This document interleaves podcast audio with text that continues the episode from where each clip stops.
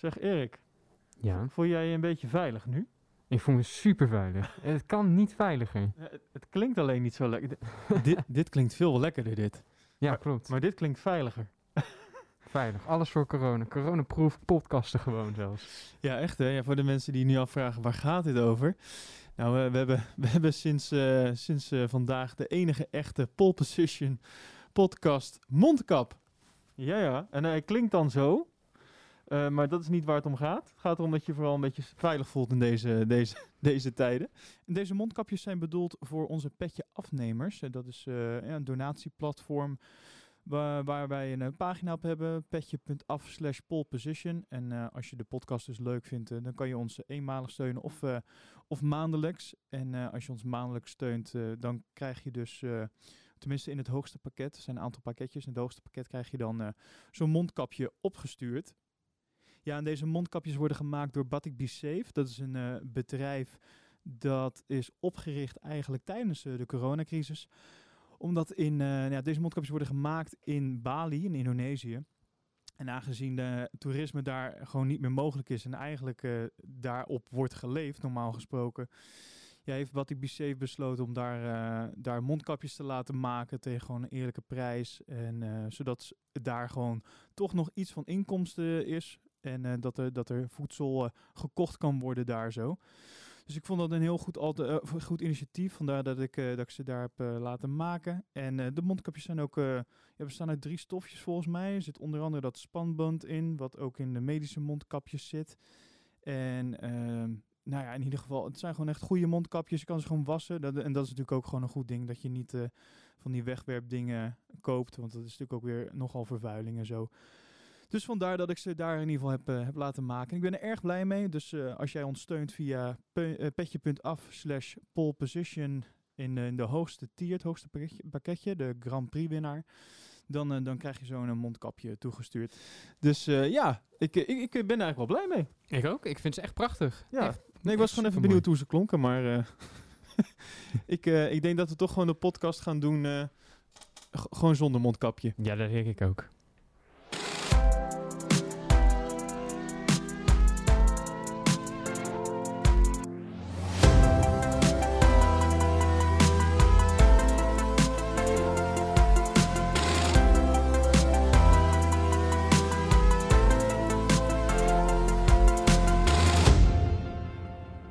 Ja, welkom bij aflevering... Ik, ik heb dat mondkapje nog. Op zich had ik die best wel tijdens de intro af kunnen doen, hè? Had gekund.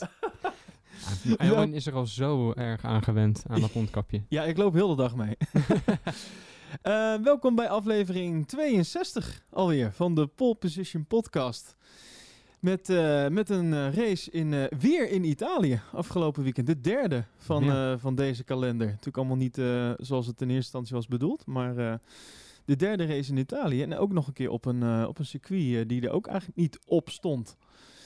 En eh, ik moet zeggen, ik, ik, ik, vind, ik moet alle circuits die tot nu toe soort van erbij zijn gekomen, die er totaal niet op de kalender stonden, ik, ik vind ze allemaal erg leuk. Ja, helemaal mee eens. Ik vind het ook super tof. Je ziet ook dat het wat extra's brengt bij de teams. Ehm, die, die hebben gewoon wat minder data natuurlijk, omdat ze er heel erg lang niet zijn geweest. Dat geeft op de een of andere manier toch wat meer spektakel of zo. Ja, ja klopt. Ja. En zeker dit weekend dan ook nog een keer. Omdat het dit weekend was dan ook nog zo dat we eigenlijk geen vrije trainingen hadden op de vrijdag. Waardoor we op de zaterdag één vrije training hadden. En daarna meteen kwalificatie. En vervolgens eh, de dag erna gewoon race. Wat, Dat, wat, wat eh, vond jij ervan, van dat format? Ehm, ik, ik moet zeggen dat ik vond het voor de spanning wel leuk. Ik denk dat, nou ja, als je naar de uitslag uiteindelijk kijkt, hmm, heeft het denk ik niet zo heel veel uitgemaakt. En als ik dan denk aan de fans, dan, ja, dan is zo'n vrijdag toch wel leuk. Ik bedoel, eh, zo'n kaartje voor de vrijdag, wat leg je daar nou voor neer? Eh, v- 50 euro of zo, dat is helemaal niet zo duur volgens mij. Nee. Eh, en er zijn genoeg mensen die eh, ja, misschien niet echt kunnen betalen om, om een weekend te gaan of echt op die race dagen te gaan of kwalificatiedag. Maar als je dan toch een, een Formule 1 auto wil zien, eh, dan, dan is zo'n vrije trainingdag natuurlijk perfect. En dan ben je er voor een paar tientjes gewoon bij. Dus ik denk voor de, voor de sponsoren en, en voor, de, voor de fans is het gewoon wel fijn om zo'n zo'n zo'n vrije training op de vrijdag, of twee vrije trainingen zelfs, op de vrijdag er gewoon bij te hebben. Ja. En voor de teams denk ik dat het uiteindelijk niet zo heel veel... ja, het zal iets uitmaken, eh, maar niet zo heel veel. En wat natuurlijk nu ook nog een keer was, want volgens mij was er ook geen Formule 2 Nee. daarvoor. Dus er waren ook geen klasses daarvoor. Wat het voor de baan natuurlijk weer interessant maakt. Omdat er gewoon, er wordt al zo, niet zo heel veel op gereden. En dan nu nog minder, doordat er geen klasses voor zijn in dat weekend ook nog een keer. Wat je dus ook bijvoorbeeld weer merkte aan de start. Dat, dat de ene kant veel meer grip had dan de andere kant. Dat soort dingen vind ik dan wel weer leuk. Maar dat, dat heeft dan niet zozeer te maken met een, met een verkort weekend. Nee. Ja, ik denk dat het zo zijn voor- en zijn nadelen heeft. Ja, nee, eigenlijk helemaal mee eens. Ik heb er vrij weinig aan toe te voegen. Ik denk dat voor de teams het wel lekker is. Zeker ook als we... Kijk, dit seizoen hebben we natuurlijk eh 17 races in totaal op de kalender staan. Ehm, volgend jaar eh, is inmiddels een beetje uitgelekt dat het waarschijnlijk 23 gaan worden.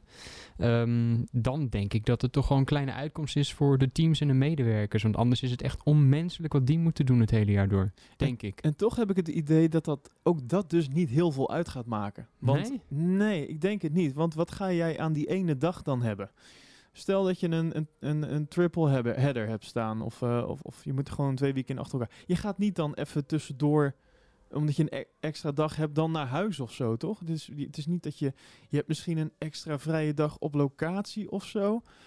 Ja, en misschien ietsjes meer, minder stress met het transporteren van alle spullen. Mm, ja, misschien. Maar ik denk Maar- dat daar de pitcrew uiteindelijk niet zo heel veel last van heeft. Eh, die komt gewoon op locatie, denk ik, aan. En gaat vervolgens gewoon dat wat is geleverd weer uitpakken en opbouwen, zeg maar. Ik, ik ben wel benieuwd of er nog meer reacties op komen vanuit, eh, vanuit het paddock. Want ik heb er relatief weinig over gehoord over hoe mensen dat nou vinden, eh, die, dat tweedaags weekend. Ik heb zelf het idee dat, dat ze uiteindelijk, doordat er dus daardoor ook meer races gaan komen, ze uiteindelijk gewoon langer, nog langer weg zijn. En dat je effectief daar echt niet heel veel dagen voor terug gaat krijgen, zeg maar. Nee.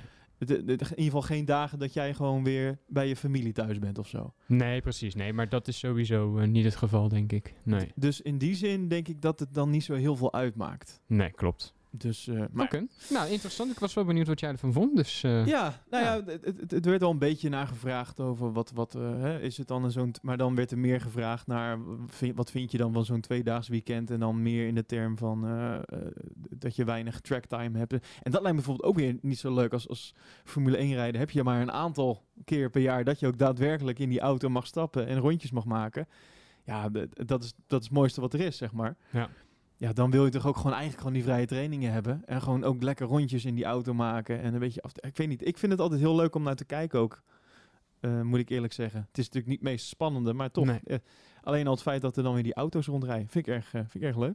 Nee, mee eens. Ik Ja, toch? ook. Ja, als ik er de tijd voor heb, dan kijk ik ook heel erg graag naar. Maar het is ook iets wat ik wel, als ik iets moet missen, eh, zou kunnen missen, is dat het wel. Dat is dan wel. Maar, ja, Maar goed. Moet, heeft Rick Winkelman ook minder te doen? ja, dat is waar. Is daar wel rekening mee gehouden? ja, denk aan Rick Winkelman, alsjeblieft.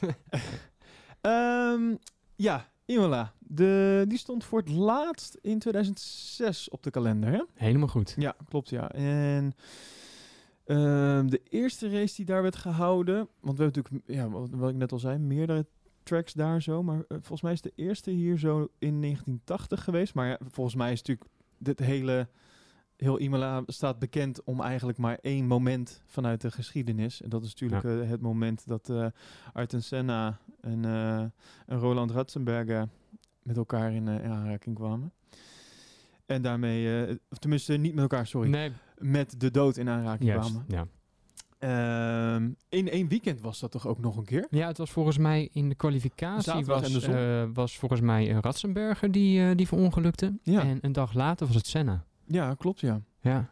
ja, echt heel heftig dat weekend. En je hoort eigenlijk alle mensen die al hele lange tijd meelopen in de Formule 1, die eigenlijk, ehm, ja, als ze aan Imola denken, denken ze vooral daaraan. En dan Ja, hebben ze vrij weinig andere herinneringen.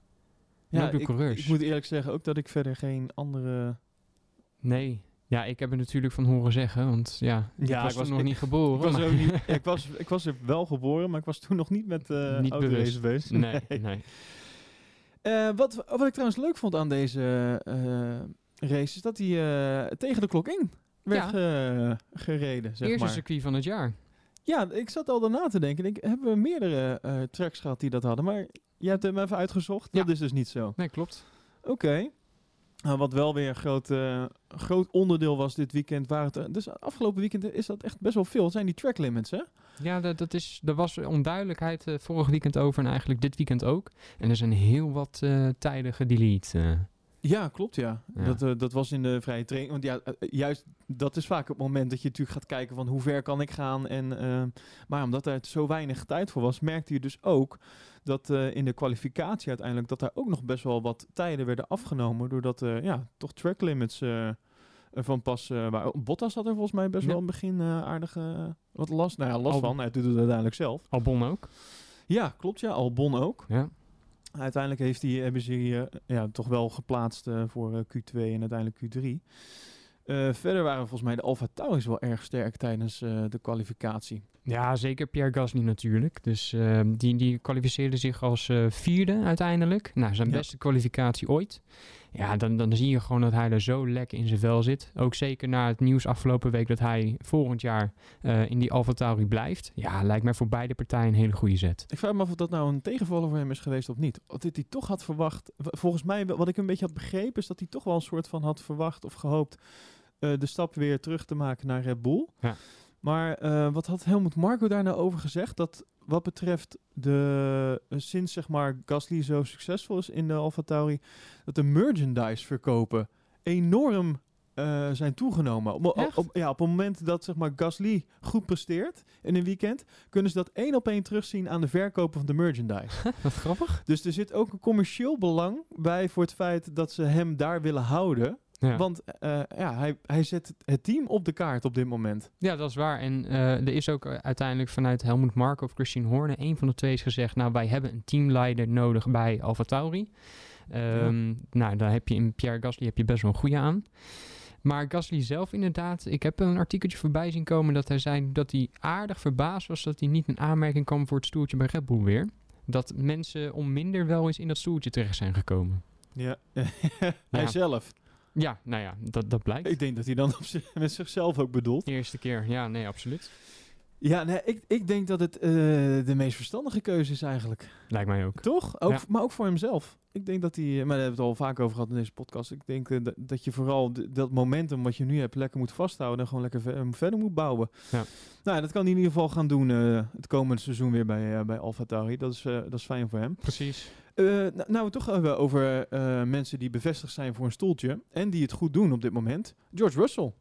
Ja, nou ja, goed, dat is niet zo'n lekker moment nu natuurlijk, na afgelopen zondag. Ja, eh, Maar- ik, ik zit nog even met, In de- ik zit nog even in de kwalificatie. Toen ging het nog erg goed. Toen ging het heel goed. Nee, ja, ik kwali- kwalificeerde weer voor Latifi.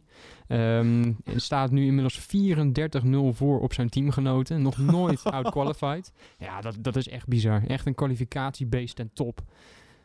Ja, wat, wat hij toch uit die auto haalt, wat anderen niet eh, ja. doen. Ja, dat is, eh, dat is top. Dus fijn voor hem ook dat dat voor hem zijn stoeltjes bevestigt. Want hij was toch wel een van de namen die een soort van rondging van... ja, wat gaat hier nou mee gebeuren? Gaat hij toch wel dat stoeltje krijgen? Of gaat er toch iemand anders eh, dat plekje daar overnemen? Ja, om, zeker omdat het dan een geldkwestie zou zijn. Ja, nee, ik, ik werd ook al steeds... eh, ik zag het steeds minder rooskleurig voor hem in eh, de afgelopen dagen. Maar gelukkig kwam daar de bevestiging dan vrijdag, volgens mij was het.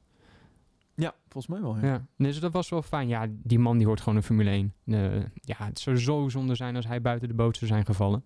Absoluut, absoluut. Ehm, ja, wat viel er verder op tijdens de kwalificatie? Ja, op een gegeven moment hadden we een momentje met, eh, met Max. Volgens mij heb ik daar nog wel een stukje boordradio van. No power.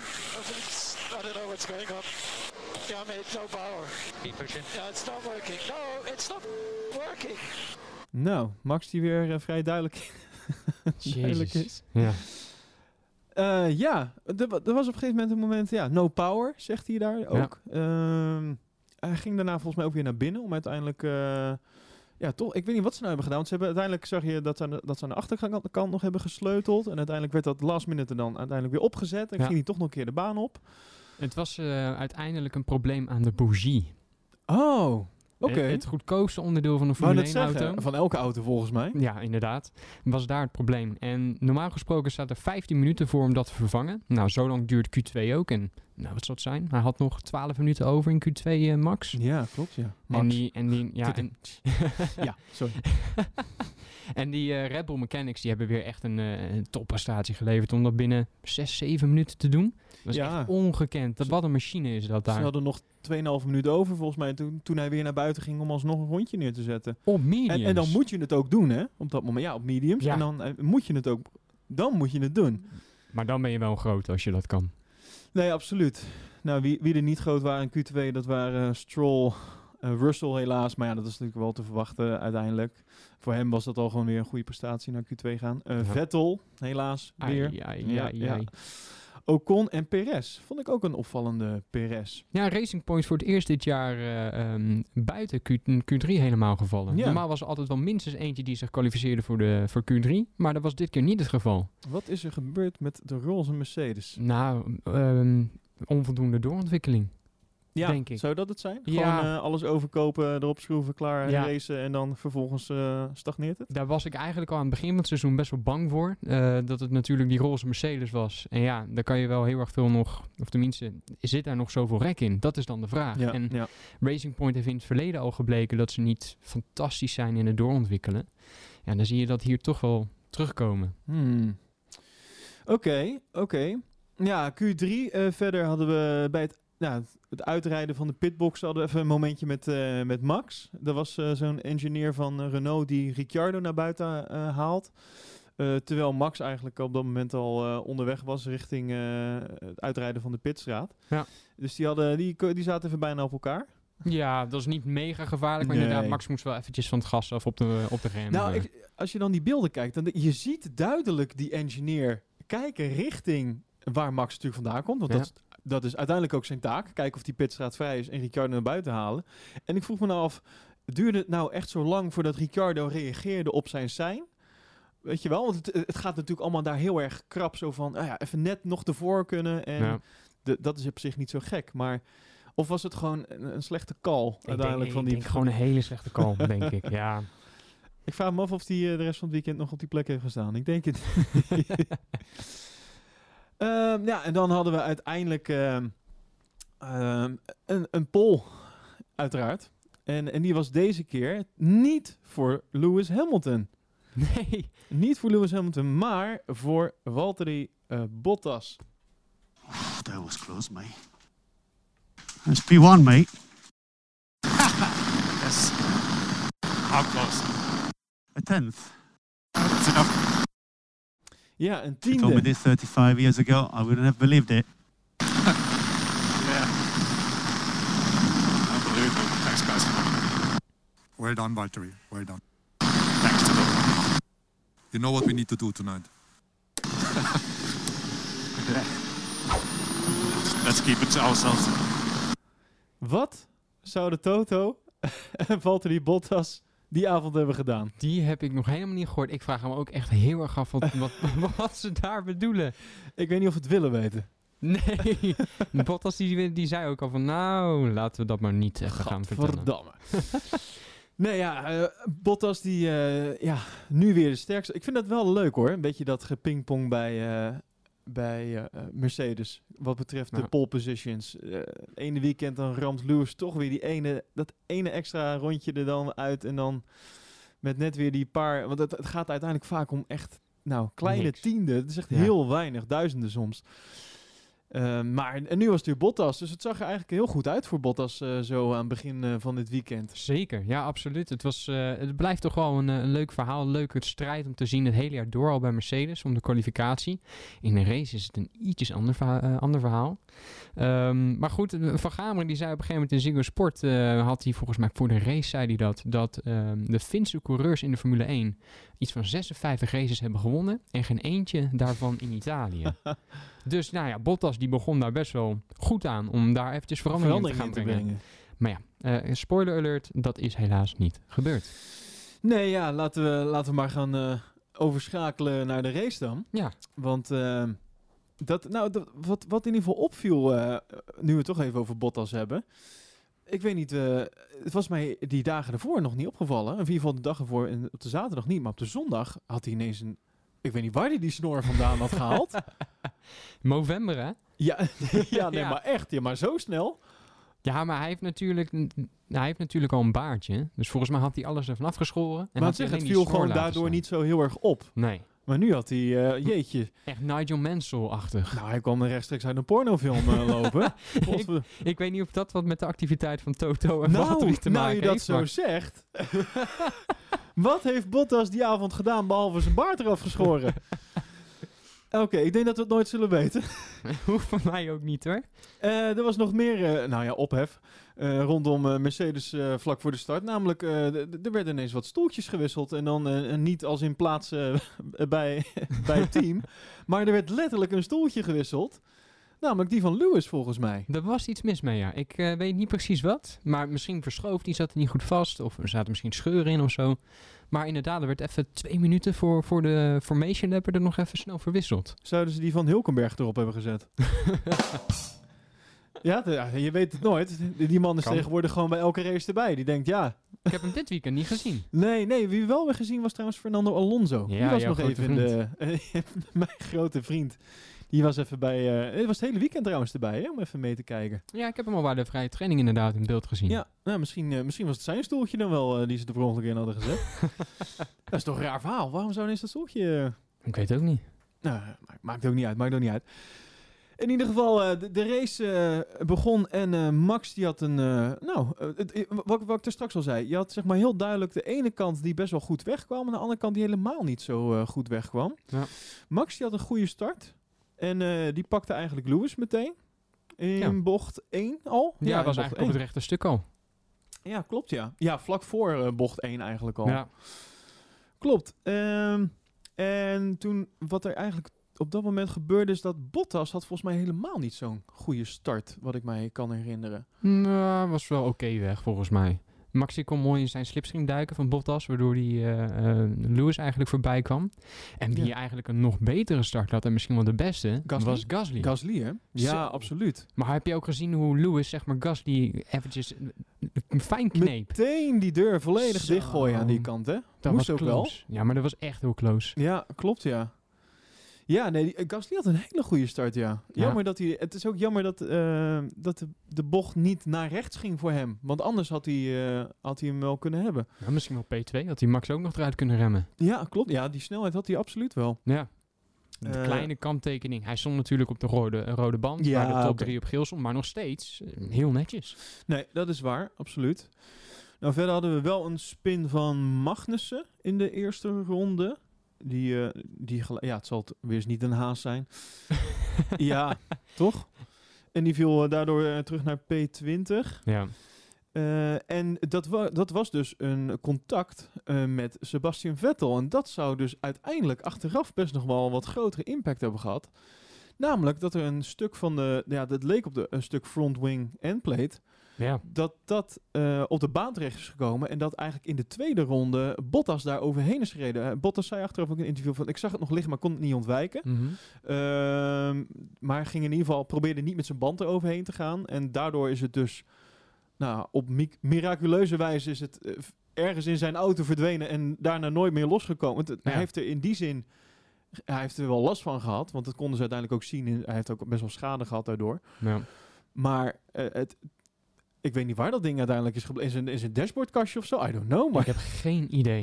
en uiteindelijk idee. hebben ze dat, want hij, heeft, hij is uiteindelijk twee keer gestopt. En de eerste keer bij zijn pitstop hebben ze het er niet uitgehaald. Terwijl ze toen al wisten dat het er zat. Pas Ja. bij de tweede pitstop hebben ze het eruit gehaald bij hem. Jeetje. Heel dat raar. ik niet, ja. Ik snap heel erg, ik snap niet waarom ze dat eh, de eerste keer eh, niet eh, hebben gedaan. Niet gevonden of zo. dat ze pas later Ja. zagen dat het erop zat. Maar, Nee, ze wisten volgens mij best wel vrij snel al dat het erop zat. eh. oh. Maar ja, maakt niet uit. Ehm, wie verder nog een goede start? Dat was, eh, ja, je, je zal het niet geloven, ik het zeg, eh Giovinazzi. Ja, die, Die, dacht, die dacht wat Kimi vorige week kan, ga ik even deze week doen. Ja, die pakt even gelijk zes plaatsen.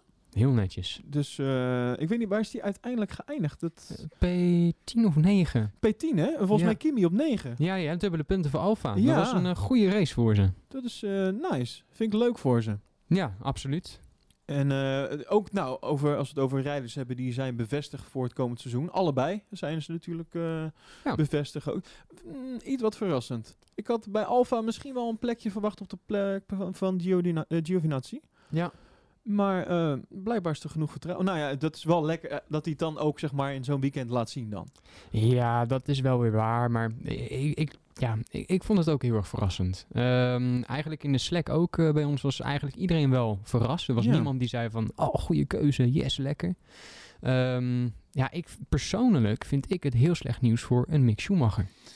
Ja, daar worden de, de, de mogelijkheden wel heel klein nu. Ja, nou ja, de enige plek waar je nog zou kunnen zitten is Haas. Ja. Maar ja, als Schumacher zijnde je eerste jaar in Formule 1, wil je dan zeer waarschijnlijk naast een Mazepin bij Haas komen? Of wil je bij de grote leermeester bij Alfa Kimi Räikkönen zitten? Ja, nee, dat natuurlijk wil je denk ik eh, bij, sowieso bij Alfa zitten op dat moment. Sowieso. Ja. Ja, er, er blijven twee plekken over natuurlijk bij, bij Haas. En Ah. daar zal één van die plekken zal sowieso een enorme eh, geldschieter zijn. Ja. Want dat, dat, dat, dat is ook de reden waarom dat de huidige coureurs daar nu een soort van... Of één van de redenen waarom dat de huidige coureurs daar weggaan. Ja. Dus ik, ja, ik Nee, kan niet anders denken dat daar een Mazepin naartoe gaat. Nee, en een Of een Perez. Maar ja, het- Nee. mm, dat zie ik ook niet echt gebeuren. Lijkt mij ook Dus niet. qua geld zie ik daar alleen Mazepin naartoe gaan.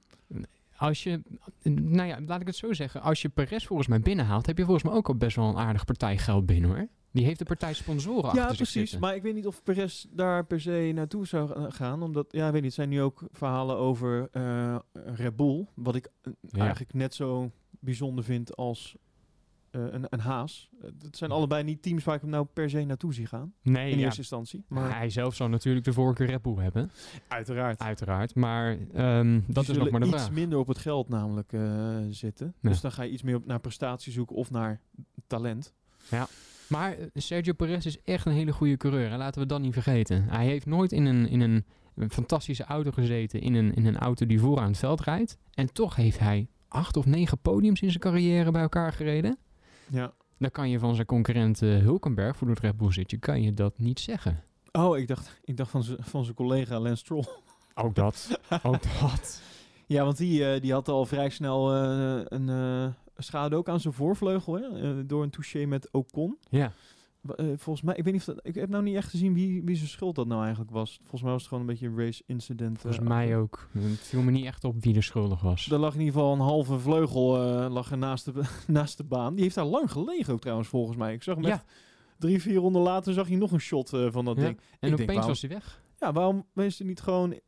Nou, het lijkt me toch dat er gewoon even een Marshall bovenop duikt en Lijkt mij ook.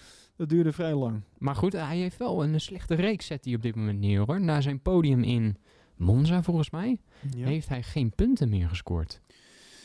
Nee, om nog maar eh, te zwijgen over ja, momentjes als eh, in de pitstraat. Ja. Waar die... eh, want ja, rijdt hij dus diegene voor... Ik weet even niet de, de functie. Er ja, zijn die, die, mensen die, aan die het front schreeuwen. Jackman volgens mij heet Ja, klopt. Ja, degene die, de, auto de omhoog auto zeg maar gaat. optilt. Ja.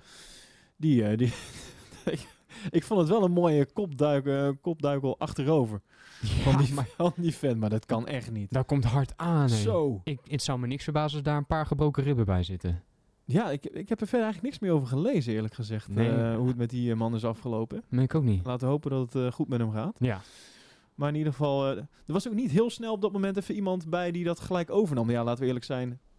op dat moment is misschien zo'n gast belangrijker dan, dan de race. Maar Ja. ja, dus zo zullen ze het bij het team iets anders zien misschien.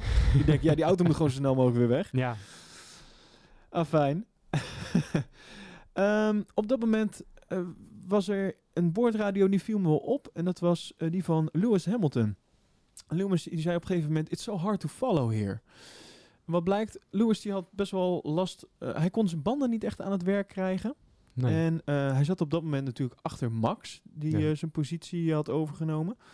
En eigenlijk achter Max zittende kwam hij helemaal niet in zijn, zijn pace terecht. nee. En wat ik dan bijzonder vind, en dat gebeurt iets later in de race, maar dat dan Max vrij vroeg naar binnen wordt gehaald. Nou, Waardoor Lew- Lewis eigenlijk vrije ruimte krijgt. En echt vanaf dat moment gaan die banden werken, krijgt Lewis zijn pace. En hebben hem eigenlijk, eh, is, voor mij is dat nog altijd het moment geweest waarop hij de overwinning binnen heeft gehaald, bewijzen van.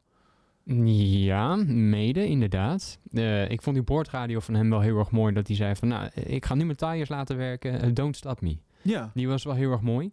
Maar hij heeft ook wel een dosis geluk gehad deze race. Ja, laten we dat niet ontkennen. Dat, eh, nou ja, mm, tweeledig. Aan de ene kant, ze kiezen ervoor om hem langer buiten te laten. Hij vroeg dat ook. Hij wilde langer buiten blijven. Ze Mhm. hadden hem natuurlijk ook eerder naar binnen kunnen halen. En dan had het nadelig geweest. Want waar we Ja. het uiteindelijk over hebben, is dat er een safety car situatie is. Waardoor hij eigenlijk een gratis pitstop gewoon kan maken. Zonder dat het hem tijd kost. En, en daardoor dus geen positie hoeft in te leveren. En Ja. Het was ook zo frappant dat het was een virtual safety car dat hij naar binnen. Hij, op, op een gegeven moment, twee seconden voordat hij langs die pits rijdt, die pitsingang, komt die virtual safety car, gaat hij naar binnen. En op precies het moment dat hij naar buiten rijdt, uit die pits, is die virtual safety car voorbij. Jij, jij oké. Ik is zie toch je- niet Ik normaal? zie je al zitten met je aluminiumhoedje. Nee, Daar gaan we weer. nee, nee, nee, geen complot. Maar dat, ik zeg Je niet dat de? VIA... Ik vind het, het is een flinke dosis geluk. Ik zeg niet dat de VIA daarin heeft gesponsord of zo. Maar het is, het is gewoon flink geluk, wel. Dat, ja, dat is waar. Nog steeds, hij is hartstikke goed hoor. Dus ik denk nog steeds dat hij die race had gewonnen. Maar Ik, eh, ik kan niet ontkennen dat ik eh, dit onder het kopje Lucky Lewis eh, zou schuiven. Maar aan de andere kant, wat ik al zei, ze kiezen ook voor om bijvoorbeeld langer buiten te blijven, wat niet in eerste instantie de bedoeling was. dat is waar. En dat komt je dan nu voordelig uit. Aan de andere kant, Max wordt heel vroeg naar binnen gehaald. Vanaf dat moment dacht ik, waarom doen ze dit? En ik ben benieuwd waarom, of je nu nog wel ehm, eh, tweede gaat worden überhaupt. Ja. Dat vroeg ik me toen echt af. ja, dat vond ik ook wel apart. Ik denk toch de enige mogelijkheid op een undercut, misschien een Bottas. Ja, ja. Ik denk dat.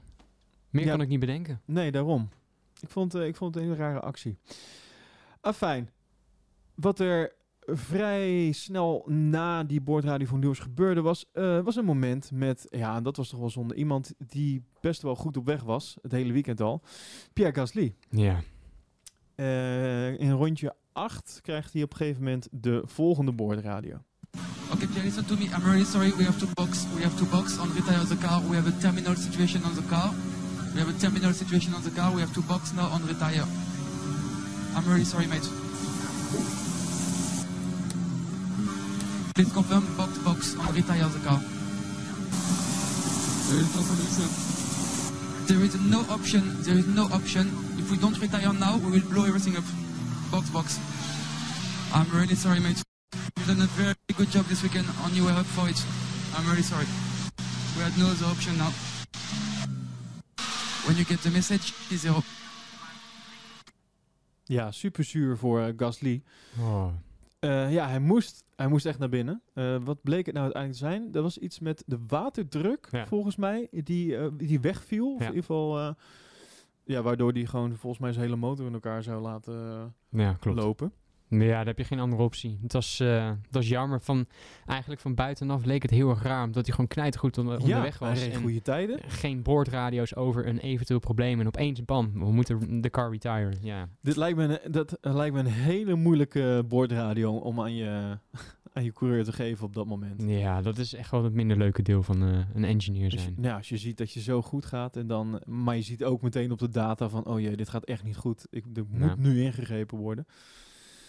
Ja, helaas voor Gasly was dat dus eh, het einde van, eh, van zijn raceweekend. Ja, Ehm wie, eh, ja, bij AlphaTauri was dan dat eh 50% van de coureurs die het eh, minder goed deed, of tenminste het was niet de coureur, maar het was vooral de auto. De auto die het wel goed deed, was die van Danik Fiat. zo, maar hij zelf ook hoor. Ja, die had echt een lekker weekend ook. Jeetje, Die jongens zaten er goed in. Ja, En eh, is, laat dat nou een coureur zijn die nog niet bevestigd is.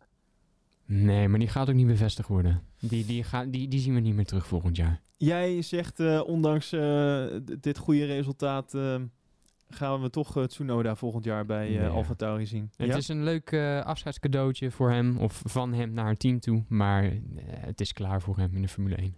Dat zeg ik echt, ja. Oké, oké. Okay. Laten we in ieder geval even naar de boordradio luisteren naar de finish. Is het last? Last lap. Checkerflag, Dani, checkerflag. V4. That was very good. Fantastic race. Yes, boys. Uh, I think uh, we deserve this. And also me. After a bit of bad luck this year, not bad. I tried my best to get the podium, but was close. But super good job, everyone, guys. Amazing. Vele 84, vele, vele 84. Ah, dai, dopo un po' ci voleva un bel risultato. Grazie Mattia, grazie. Nou, die jongen die kan nog aardig eh, Italiaans ook trouwens. eh. Ja, nee, zeker, zeker. Of zijn het gewoon vaste zinnetjes die ze zullen... Nee, nee, nee. Volgens mij kan hij oprecht heel erg goed Italiaans. Ja, ja. Wat grappig. Maar in ieder geval, eh, ja, een mooi resultaat. Eh, mocht dit echt zijn laatste jaar zijn, dan kan hij in ieder geval nog eh, met een eh, half opge opgeheven hoofd in ieder geval de Formule 1 verlaten. Ja, Ik denk dat sowieso zijn, zijn comeback beter is geweest dan de periode daarvoor, zeg maar. Helemaal. Ja, Nee, toch? Zeker, zeker. Maar in ieder geval lekker voor het team van Alfa Tauri. De om, gewoon om te weten dat ze echt goed bezig zijn op dit moment. De coureurs zitten in ieder geval goed in hun vel. Ja. De auto doet het erg goed. Ja. Dat, eh, dat belooft veel goeds eigenlijk. Dus ze zijn echt serieus Ferrari aan het, eh, aan het bedreigen om P6 volgens mij in het eh, constructeurskampioenschap. Ja, dat bedoel ik. Dus dat is ook het doel. Dat heeft Gasly ook uitgesproken om Ferrari te pakken. Dus ik ben heel erg benieuwd naar die strijd aankomende races. Ja, dat, nou, het is toch wel lekker dat voor Red Bull ook, dat je weet dat je je, je ja, wat is het? Je, je kleine team het ook gewoon super goed doet en, en heel competitief kan zijn. Ja. Eh, alleen al eh, qua auto, want is ook, dat zijn, maar uiteindelijk zijn dat technieken die je met elkaar deelt. Maar ook qua coureurs, denk ik. Als je Zeker. toch een beetje gaat, eh, ja, dat talent wil ontpoppen, dan, is, dan lukt dat denk ik nog beter in een auto die daadwerkelijk ook competitief is. Omdat je dan ook Ja. veel meer onder druk komt te staan. En dan krijg je misschien niet zo'n groot gat als wat je nu hebt, of wat je had bij Gasly die naar Red Bull ging en Ja. Albon die naar Red Bull ging. Dat is toch, omdat het gat zo groot was, denk ik, eh, was die druk denk ik ineens veel groter. Ik denk als je nu Ja. al competitief rijdt in een auto die erg goed is en daar al dingen goed eh, kan laten zien, dat is misschien iets makkelijker om die stap dan te gaan maken, zeg maar. Uiteraard, tuurlijk, er komt veel meer bij kijken. Het is een ander team met veel meer verwachtingen, denk ik. Maar ik denk dat, Ervaring speelt ook een grote rol. Precies, maar- precies. Maar ik denk dat het wel lekkerder is of zo. Dat dat, dat Ja. gat niet zo groot is. Nee, helemaal mee eens. Het is altijd lekker als je, als je zusterteam eigenlijk eh, steeds meer naar voren rijdt. Dus eh, Ja, nee, absoluut. zolang ze jezelf maar niet voorbij gaan. Nee, ja, nou, dat, eh, dat is in deze race helaas wel gebeurd. Yep. Nou, dan komen we gelijk bij het pijnlijke punt. Zullen we hem gelijk maar aanstippen. Ja. Max Verstappen. Ja, we hadden het net al even over de, de gekke call wat betreft pitstops. Althans, wat ik vond. Maar eh, reed verder gewoon eh, nog prima. eh, tot het moment dat we de volgende boordradio kregen. Okay, Max, just so aware, Hamilton been told to push. They'd like the safety of a safety car pit stop window over you. Currently two seconds away from that. Oh, we're off. Yeah, something broke on the car. Okay. Yeah. It's a right rear tyre failure. If you, Fuck's sake. yeah, if you can't get up P1 and P0, please, mate. P1, P0 if you can't. Ja, dat, Ja. wat daar ineens gebeurde. Ja, het, je schrik je sowieso altijd al eh het apenlazers als je yellow flag ziet staan. En vervolgens als je ver in het linkerrijtje naar beneden ziet gaan. Eh, right tire failure. Ja, het is nog steeds eh, de vraag of het nou echt gewoon een klapband uit zichzelf was of dat het er een klein stukje debris op, op het... Pirelli zegt, weet het ook niet zeker, maar denkt dat het eh, toch een stukje, de, ja, een stukje puin eh, is van een andere auto. Wat uiteindelijk ervoor heeft gezorgd dat die band is, gaan, eh, ja, is geklapt. Oké. Hmm, Ja, Hmm. ja, het kan. Het kan, ja. Het, het, het, nou ja, laten we erop. Wat het ook is, het is gewoon super zuur. Het is super zuur, super zonde. Hij was echt fantastisch bezig. En dat was gewoon eigenlijk een, een gegarandeerde P2 was dat geworden. Ja. Ja. Hij moest volgens mij Bottas nog voorbij. Nee, hij was oh, nee, Bottas- was hij Bottas was- al voorbij ja. natuurlijk. Ja. Want we hadden natuurlijk die eh, momenten met Bottas gehad. Dat die, eh, Bottas drie keer, volgens mij, op hetzelfde punt, in dezelfde bocht eh, een foutje maakt. Waarvan de derde wel echt eh, flink in het grind was. Ja. En, eh, en eh, Max hem voorbij ging. ja, het was echt rondelang een strijd uh, na die pitstops dat Max achter Bottas zat. Nou, Bottas had natuurlijk schade aan zijn vloer, waardoor hij volgens mij 50 downforce-punten miste, zei hij achteraf. Ja. Nou, dat is best flink. Nou, dan rijdt hij eh, een stuk langzamer dan, eh, dan Lewis. En dan wordt dat gat steeds groter. En hij reed dus ook langzamer dan de ware pace van Max. Ja, dat was een hele mooie strijd waarin Max elke keer, ehm, nou ja, echt Bottas de hele tijd onder druk zette, op een seconde. En dan elke keer net bij dat DRS-punt, wist Bottas het elke keer voor elkaar te krijgen om net buiten Net die niet- 1 ja. seconde. Klopt, ja. Dat was echt 1.1 seconde Niet of normaal. 1.2. Niet normaal. Maar goed, op een gegeven moment maakte hij eindelijk die fout, afgedwongen door Max. Ja, en dan zit hij ook al gelijk bovenop en grijpt hij die kans ook. En dat is echt klasse. Ja, nee, klopt. Ja, totdat we dan uiteindelijk dus eh, een safety car kregen. Ja, Ja. klopt ja. We kregen een safety car eh, omdat eh, de auto weggehaald moest worden. En toen begon de chaos. Ja, ja, toen ging het hele veld ging natuurlijk naar binnen voor een, voor een pitstop. Althans, niet het hele veld ging naar binnen. Nee, Da- daar zijn namelijk ook wat ja, fouten gemaakt, of niet? Wa- wat, wat, wat zullen we zeggen? nou, door de een wel, door de ander niet. Ja, Hangt er vanaf wie, wie je bedoelt nu. Nou, la- wacht, daar komen we zo denk ik eventjes op. Want wat er onder andere gebeurde uiteindelijk eh, in die safety car situatie... is dat, eh, nou, eh, sommigen gingen naar binnen voor nieuwe banden. Onder andere ene George Russell. Ja. En die komt nu naar buiten. En je moet gewoon zorgen dat je je band natuurlijk goed warm opwarmt. Maar dat, ja, dat lukte bij hem even iets minder goed. Zo, ik kreeg echt gelijk flashbacks naar een Baku 2018 of zo. Die crash van Grosjean achter de safety car. Ja, was dat klopt, ja. precies hetzelfde dit. Ja, dat, ja, gewoon banden niet warm genoeg. eh, geen grip daardoor. Ja. En, en bam, weg. Opeens naar links, zag er zo raar uit. Het, ja, ik, nou ja, en toen kwam de, toen kwam de boordradio daarna. Nudge down one. Maximum brake warming.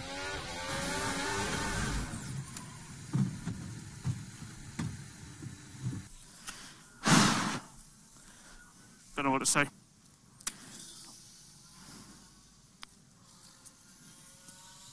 Given everything I had to uh, warm the tyres. So sorry, guys. So sorry. En hierna was het doodse stilte op de radio. Ik Ja. weet ook niet, meer- niks meer teruggezegd. Oh god.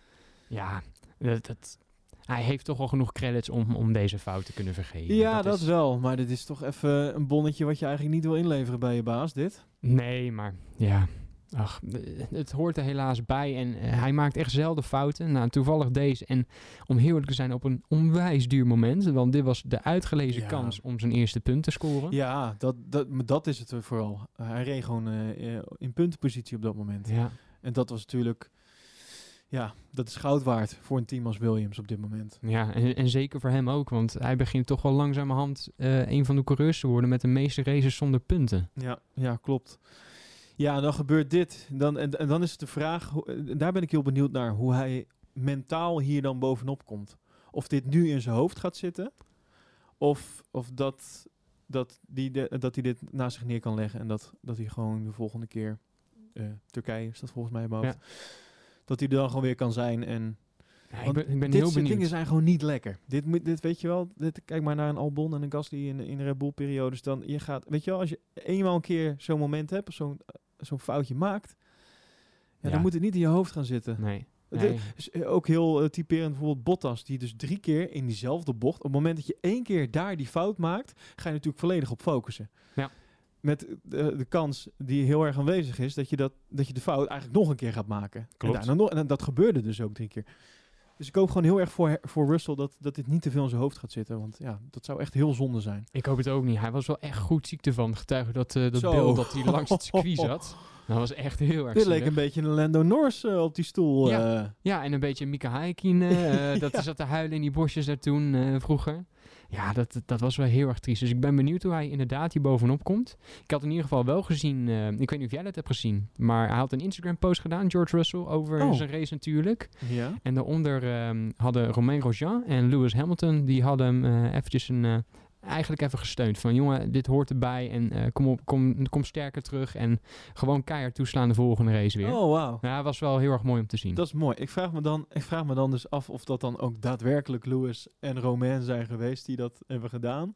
Ik weet niet, ik denk of het ben wel. ik nou weer te, te negatief over dat soort dingen? Dat weet ik nou eigenlijk niet. Ik denk het wel. Ik denk toch wel uiteindelijk dat ze zoiets plaatsen eh, of zoiets niet gaan plaatsen zonder de toestemming van de coureur. Nee, dat denk ik dan ook wel. Ja, ja. Maar goed, voor Romain Grosjean is natuurlijk lichtelijk ironisch wel, omdat hij zelf zo'n momentje ook had in Baku. Had, je, had je ook de reactie gezien van Marcus Eriksson op eh, Twitter? Ja, het was een me. Die meme van eh, Shaggy die die erbij had gedaan. Ja, mooi hè? I think Eriksson hit us. nou, dat was precies hetzelfde. En Eriksson gelijk, it wasn't me, It I wasn't me. promise. Dat vind ik dan ook wel weer mooi. Ja. Dan heb je ook gewoon heerlijke zelfspot en, en, en humor als je dat doet. Ja, die was echt wel leuk. Want, Ja, in ieder geval na die safety cars waren dus, eh, wat we net al zeiden, een aantal die wel naar binnen gingen, een aantal niet. Wie er onder andere niet naar binnen ging was eh, Daniel Ricciardo. Die ging niet naar binnen, die bleef Nee. buiten. Een Perez die wel naar binnen ging. Ja. Albon die ook buiten bleef. En ik moet eerlijk zeggen, in eerste instantie verbaasde me ik daarover. Ik denk, waarom blijf je nu buiten? Dit is toch het moment om even nieuwe slofjes eronder te doen en eh, kijken of je nog wat eh, goed kan maken. je zou het haast zeggen. Ja. Formule 1 DNA, dat schreeuwt gelijk om een pitstop bij een Precies. safety car. Maar dat was nu inderdaad niet het geval. Ehm Ricciardo die had het ook op een gegeven moment na de race had hij dat aangegeven. Hij zei, ja, ik stond voor de keuze om naar binnen te gaan of niet tijdens die safety car periode. Ik heb het uiteindelijk toch niet gedaan, omdat ik merkte dat track position op deze baan, aangezien het heel erg moeilijk in te halen was, ehm, onwijs belangrijk was. Ja, klopt ja. En die geef je natuurlijk op als je een pitstop maakt.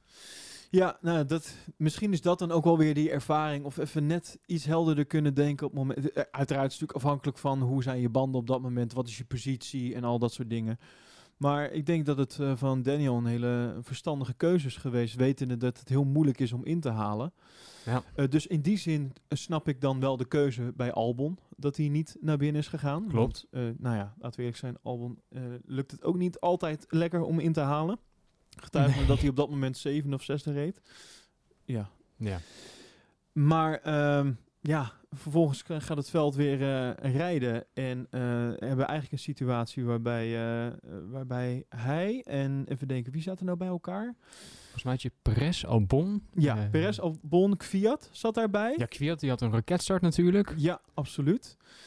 Eh, en, en in dat moment eh, was het dat Albon eigenlijk, en dat, dat zag je heel mooi eh, in de nabeschouwing bij Ziggo, dat Ja. Doornbos dat even heel mooi laten zien, Klopt. dat hij eigenlijk niet op de racelijn zat, dus een plek waar geen, minder grip is. En op dat moment, eh, eh, ja, spint hij. Ja. En dat is, ja, En die Sainz achtereen, wat een reactie. zo. Die moest instant op zijn rem en, en ontwijken en gelijk weer, nou, dat was echt heel knap. Die had- het had, Millimeterwerk. ja, dat echt, die had er echt bijna eh, ingezeten. Ja. Maar ja, op dat moment eh, was het natuurlijk... eh, ja, we- kon Albon weer opnieuw beginnen. Namelijk helemaal achteraan in het veld. Maar ja, met die paar ronden te gaan. Ja, dan wordt er natuurlijk niks. En nou ja, goed, er zijn heel veel mensen die hebben gezegd dat dit echt wel ehm, tekenend is en ook al echt einde verhaal is voor Albon bij in ieder geval Red Bull. Maar ik ben eigenlijk ook wel bang voor hem met Tsunoda in aantocht. Ja. Of hij niet helemaal erbuiten gaat vallen zelfs. Want Helmut Marco die heeft tussen neus en lippen door al een beetje laten weten dat Gasly de teamleider wordt bij AlphaTauri. En dat dat nodig is om een jonge coureur te gaan ondersteunen. Nou, Nou, maar ja. 1 ja. plus 1 is 2 lijkt 1 mij plus 1 toch? is 2, ja. Absoluut. Dat wordt Tsunoda. En waar blijft Albon dan? Geen idee. Ik denk dat Albon een Ocon-jaartje gaat hebben. Oh, Wat Ocon vorig jaar had. Even buiten de boot. Ik Ja. denk dat Albon dat dit jaar gaat hebben. Oké. En dan is het de vraag wat Tsunoda gaat doen. Ja. Dan is het een beetje de vraag wat... eh, ja, en ik denk dat er dan vervolgens wel weer genoeg kansen gaan komen, eventueel bij andere teams, om eventueel aan te sluiten. Maar dat is natuurlijk niet lekker. Nee. Je wil eigenlijk gewoon... eh, wa- want dan is de vraag, wat gaat hij dan doen? Gaat hij testrijden voor, voor Red Bull? Gaat, wat, wat gaat hij dan doen? Geen idee. Want ja, je moet wel gewoon in die auto blijven rijden. Ik denk dat ze hem wel iets van zijn licentie laten behouden door hem toch wat kilometers te laten rijden. Dat kan niet anders. Lijkt mij ook wel. Maar ja, Dus aardig wat in geïnvesteerd in die jongen. Dus ik denk dat... En ze zien ook wel dat, dat het er wel in zit. Maar- Maar, maar ik denk ook dat ze, dat ze nu even niet een plaats hebben om dat, eh, nee. om dat te laten ontwikkelen. Dus ik denk, ik denk dat Albon een uh, Ocon-jaartje gaat hebben. Oké, ja, nee, ik denk het ook. Ja, veel andere keuzes eh, zijn er dan niet als Tsunoda op dat plekje komt. Nee, Dus Nee, ja, en eh, ja, toen waren we eigenlijk al richting het einde van de race. Want ehm, het, het- trouwens, dat was nog wel mooi. Albon ging natuurlijk weer naar binnen voor softs uiteindelijk, andere banden. Eh, dat was volgens mij weer de snelste van het weekend, 1.9. Ja. Eh, dus ja, dat geeft ook wel weer aan. Aan team en het materiaal ligt het niet. nee, precies. Het ligt echt aan, eh, aan de rijder. Ja. Maar eh, Red Bull was weer heerlijk snel met de pitstops. Altijd genieten om dat te zien. Mooi hoe die jongens toch snel weer, eh, of eh, soms makkelijk een seconde eraf snoepen ten opzichte van de concurrent. Alleen maar door gewoon een goede pitstop te maken. Ja. Eentje die bij Vettel trouwens minder goed ging. Zo, jeetje. dat was echt op zijn Ferraris weer. Dat was weer typisch. hè? Olaf Mol die had nog even live geteld. Die wheelgun ging er zeven keer op. Ja, ik, had ook, ik zat ook mee te tellen. jongen, jongen, jongen, jongen. Wat een prutswerk. Het is- daar is ook niet echt meer een statement. Tenminste, ik heb daar niks meer over eh, naar buiten horen komen achteraf. Wat daar nou uiteindelijk misging. Nee, ja, ik denk dat beide partijen... keer. Ja, ach. Het had niet het verschil gemaakt voor hem eh, of hij in de punt was gekomen of niet. Nee, dat, dat is nog misschien wat meest trieste, Dat is de echt meest trieste triest. conclusie hiervan. Ja. Ja, en eh, dan eh, eh, gaan we richting het zwart-wit geblokt. En dan is er toch gewoon weer eentje die, eh, die het gewoon weer flikt. Ene L. Hamilton. En dat is, ja, je zegt het al, Lewis Hamilton. Get in there, Lewis. That is it, mate. Mercedes AMG Petronas seven times. Seven times, mate. What a great way to seal that. Oh, guys, what an incredible achievement for all of you. I'm so proud of everybody. So grateful I could be a part of it. Thank you so much. Thank you, thank you, thank you. No, thank you, mate. Couldn't have done it without you. Couldn't have done it without you. What an achievement. Seven times, guys. Wow. Seven time world champion. I hope you realize what you've all done. Yeah, it's big, isn't it, mate? It's massive. Ja, mooie bordradio van Lewis. Ja, super. Zevende constructeurstitel Op een rij. op een rij. Een record. Dat is een record, ja, precies, ja. Tja. We hadden het in de Slack nog even over. eh, ik dacht, ik, ik twijfelde even over hoe dat zat, maar eh, Ferrari heeft er dus zes achter elkaar gehaald. Ja. 16 in totaal ja, trouwens. precies. Ehm, maar ja, wat, Ferrari had er dus zes achter elkaar. En toen kwam 2005, 2006 even de, de opstand van Renault. Ja. Mijn favoriete Formule 1 jaren. Ja. Het heeft te maken met ene F. Alonso. Ik, I rest my case. maar in ieder geval, en daarna was het ook weer weer Ferrari hoor. Die, eh, maar in ieder ja, dit, dit is fantastisch dit toch? Dit, eh, dit, ja, en wat je zegt, een record in de boeken. Dit is gewoon historisch. Ja, het is, het is niet normaal wat die gasten daar allemaal doen. En Het Lewis is zich daar ook eh, meer dan van bewust. Hij zegt ook van, eh, realiseer wat jullie hebben, jullie hebben neergezet. Ja. Ja. hij trekt het ook niet naar zichzelf toe. Nee. Vond, vond ik trouwens ook wel bijzonder dat in de bordradio naar Bottas werd natuurlijk hetzelfde gezegd van eh, zevende constructeurs. Ja, Bottas was toch iets minder enthousiast. Hij moest natuurlijk wel een soort van enthousiast zijn, maar het viel me ook op bijvoorbeeld in, de, in het interview achteraf met de top drie. Dat bij Lewis ging het heel erg over de zevende constructeurstitel en, eh, en, hoe, en bij Bottas gewoon eigenlijk niet. Nee. Het, alsof hij er gewoon niet aan heeft bijgedragen. Wat natuurlijk onzin is, want hij heeft genoeg punten bijgedragen voor die titel. Precies. Maar dat vond ik zo bijzonder. Ja. Dat alleen Lewis, en dat vond ik wel vond ik een beetje raar. Ik denk, ja, nou gaan we heel erg de focus eh, leggen op, op Lewis. En ja, tuurlijk, die heeft de meeste punten ervoor binnengehaald. Ja.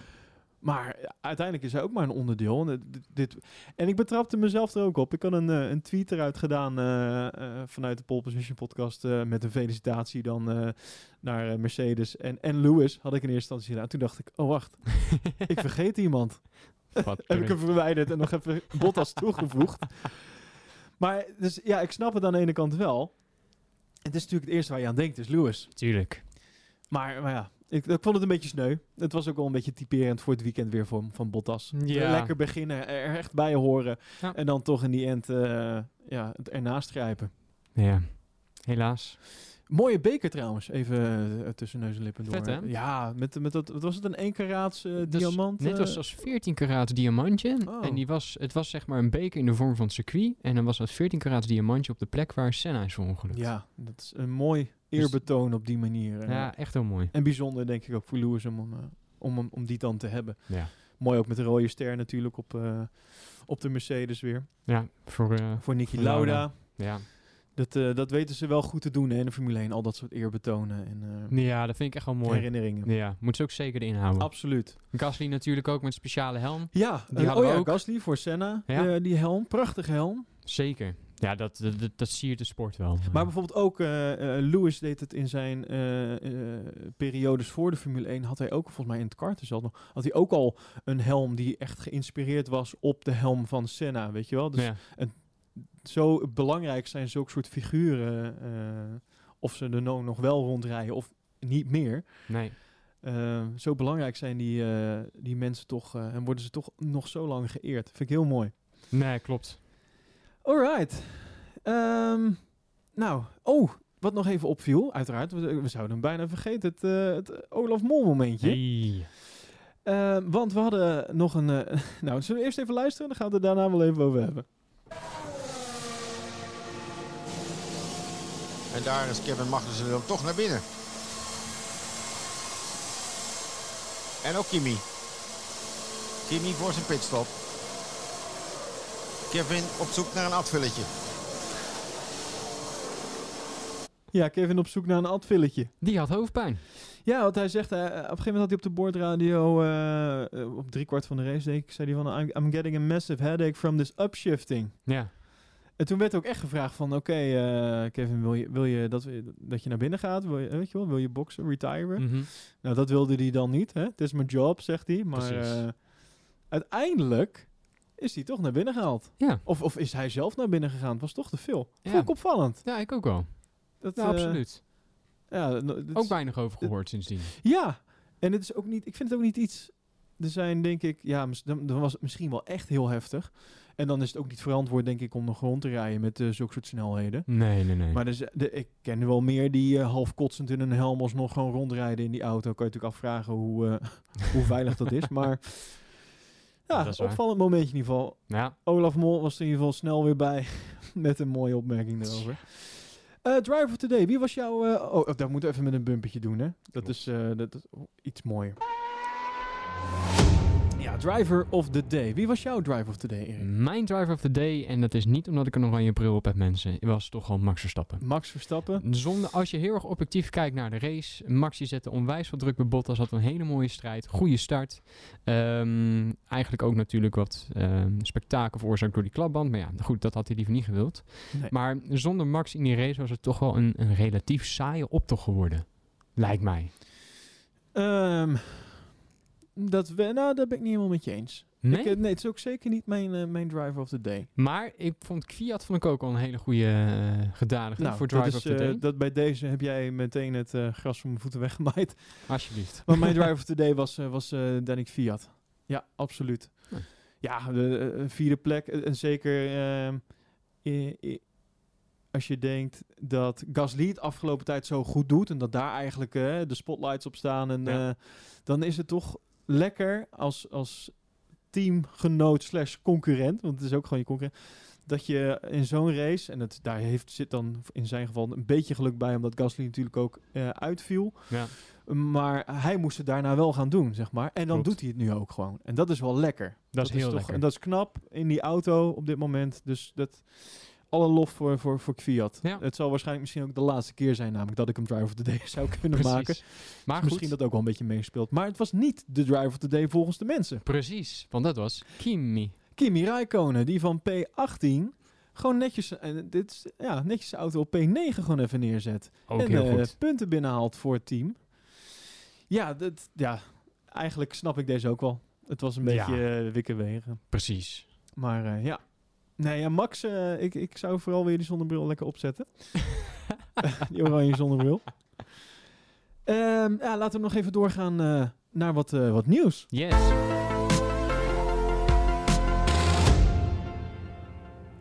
Ja, want dat was, dit is een nieuwsberichtje wat volgens mij vlak na de opname van vorige week eh, naar buiten kwam dat eh, de, de kalender was natuurlijk al een soort van half ge- uitgelekt, bekendgemaakt, niet. Ja. En in die kalender stond Zandvoort nog aan het begin van het jaar. Mhm.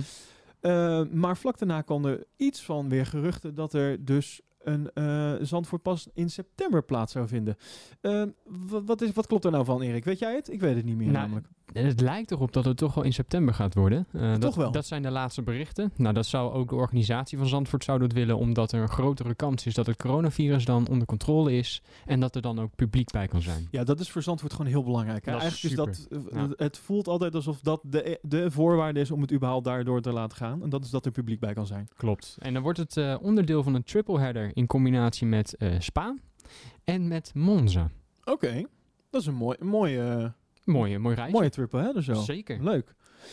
Oké, ehm, dan salarisplafond. Want eh, dat is ook iets wat afgelopen week eh, veel door de wandelgangen ging. Namelijk, en dat ging het vooral denk ik over Lewis Hamilton. Die namelijk nog steeds in onderhandeling is met Mercedes om, een, om daar te blijven.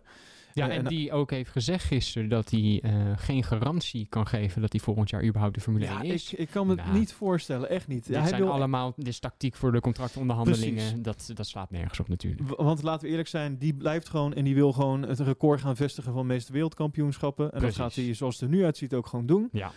Eh, maar er is dus nog steeds geen akkoord. En dat zou dus eh, gaan om het feit dat hij een hoog salaris wil, wat eh, niet betaald eh, Nee. zou eh, worden door Mercedes. Ook gezien de huidige omstandigheden wat betreft COVID en eh, Ja. de financiële situatie overal. Eh, en daarnaast kwam er dan nog een keer naar buiten dat de teams wel akkoord waren met een salarisplafond van 30 miljoen dollar.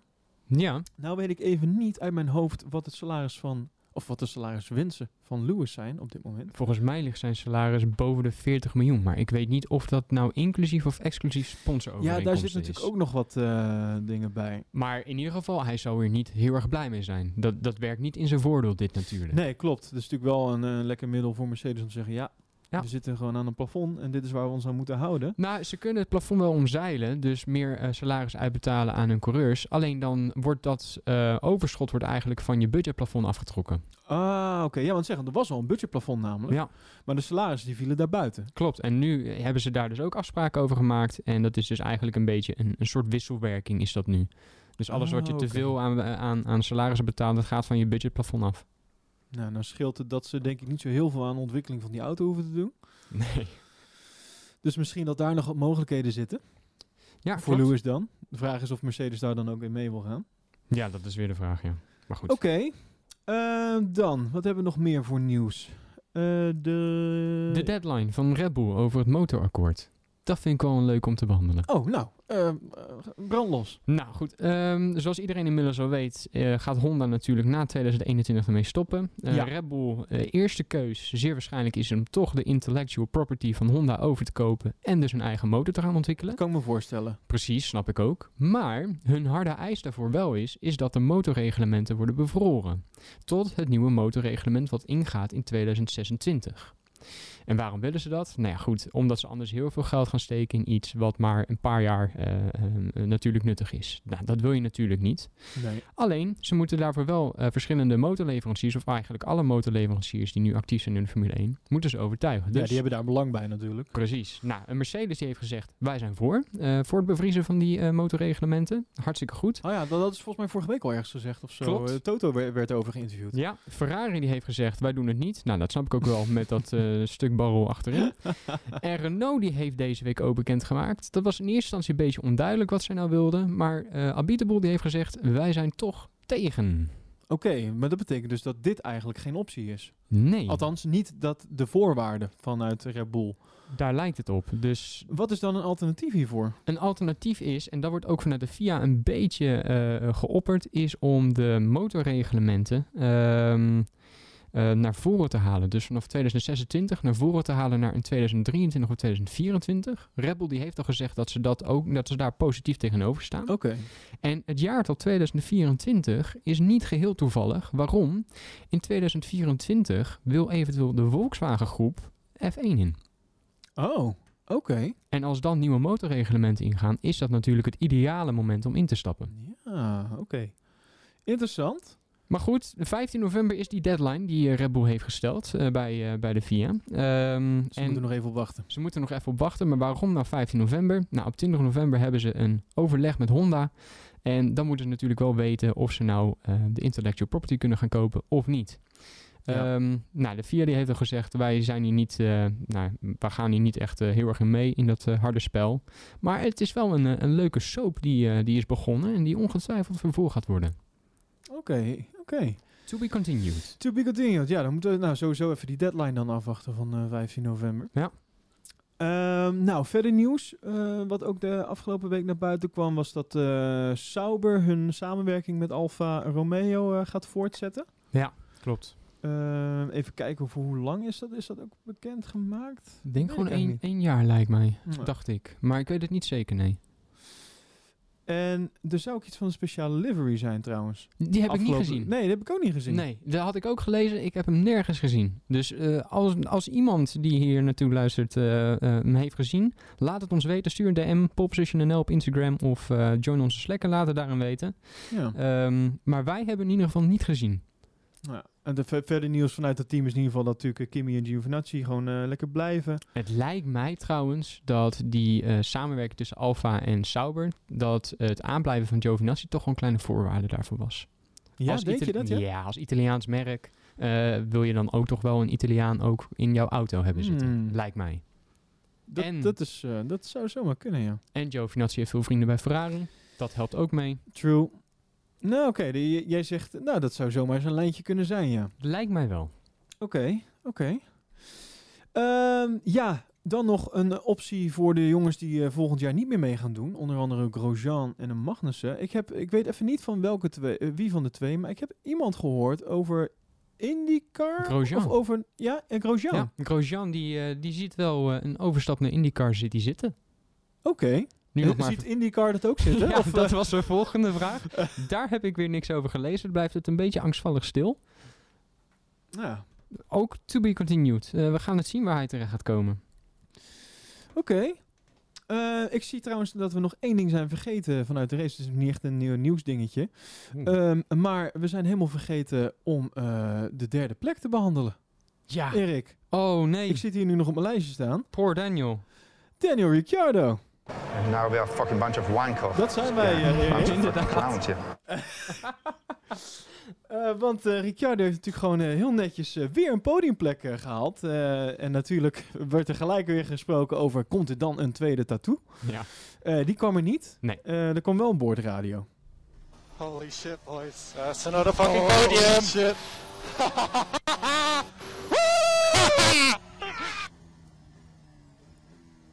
awesome, mate. Scenario 12. Scenario 12. Holy mac and cheese balls. That's another fucking podium. awesome, mate. Awesome. Je ziet ook gewoon die grijns van hem hè, op dit moment yeah, door die I'm not doing a second tattoo, but if I had, I would put Mathieu on it because he's done a brilliant job.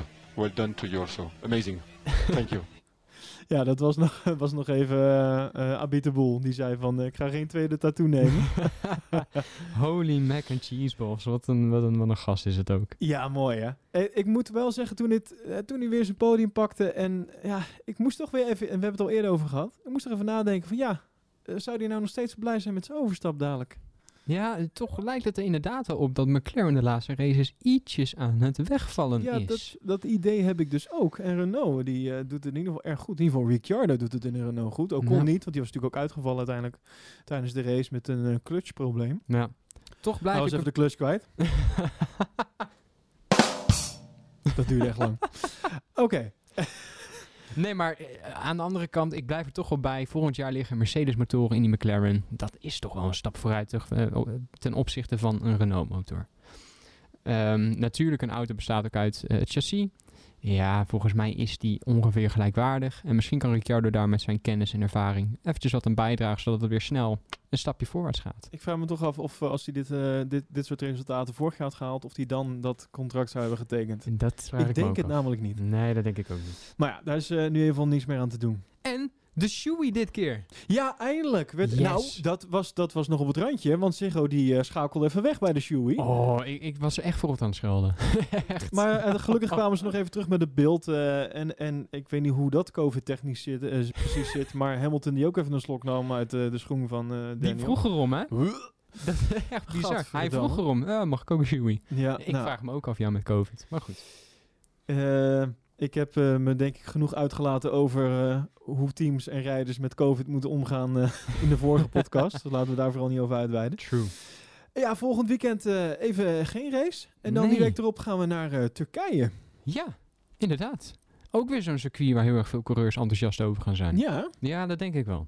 Volgens mij zitten daar weer een beetje hoogteverschillen in. Ik moet, ik, weet- dat weet ik eigenlijk niet uit dat mijn weet ik hoofd. ook niet. Ik heb daar namelijk wel een beetje van genoten de afgelopen eh, periodes. eh. Ja, een baan die, eh die Red Bull eh, goed gezind is. Tenminste, afgezien van 2010 natuurlijk, waarbij Vettel en eh, Webber volgens mij eh, in, met elkaar in aanraking kwamen. Mhm.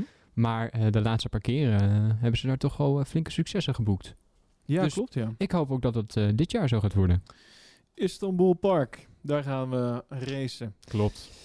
Nou, wil je nog wat eh, laten weten over deze podcast? Heb je, heb je een mening mee totaal niet mee met, met mij eens of met, eh, met Erik? Of eh, heb je nog iets leuks gevonden? Want dat is wel leuk in ons Slack-kanaal. Daar komen altijd leuke filmpjes voorbij. En, en, en ik zag bijvoorbeeld nou een filmpje, dat was ook wel leuk. Lando Norris die even de auto van Carlos Sainz uitzet. Ja, heb je dat nog heb- gezien? Nee, ik heb hem niet gezien, maar ik heb hem voorbij zien komen, ja. En het grappige is dat Carlos op zijn, eh, op zijn bordradio, nog vlak voordat hij de pits inrijdt eh, na de race, echt nog specifiek wordt gezegd: eh, Carlos, vergeet niet je auto uit te zetten voor de FIA. en je ziet hem uitstappen en je ziet hem ook nog echt nog kijken naar die auto. En gewoon weglopen. En dan zie je nog het stuurtje nog aanstaan. En, eh, en dan Lando die loopt voorbij en die ziet dat waarschijnlijk. Dus die, die hangt even met zijn kop er zo in van... hé, hey, volgens mij staat dat ding nog aan. en die haalt even de sleutel eruit. Fantastisch. Wat mooi. Dat soort dingen vind ik zo mooi. Nou, even als je zulke soort filmpjes en, en, en opmerkingen tijdens de race, maar ook zeker eh, tussen de races door eh, wilt, eh, wilt zien en, eh, en er wil over wil meepraten, dan kan dat in ons Slack-kanaal. En de link daarvoor vind je in ons eh, Instagram bio, Pole Position NL. Yes. Nou, dankjewel Erik eh, voor, eh, voor je bijdrage vandaag. Matthijs die was even druk met verhuizen Ja. en, en dat soort dingen, dus die kon er helaas even niet bij zijn. Maar Nee. die is de volgende keer weer bij. Dankjewel. Heel graag gedaan. En bedankt voor het luisteren en graag tot de volgende keer.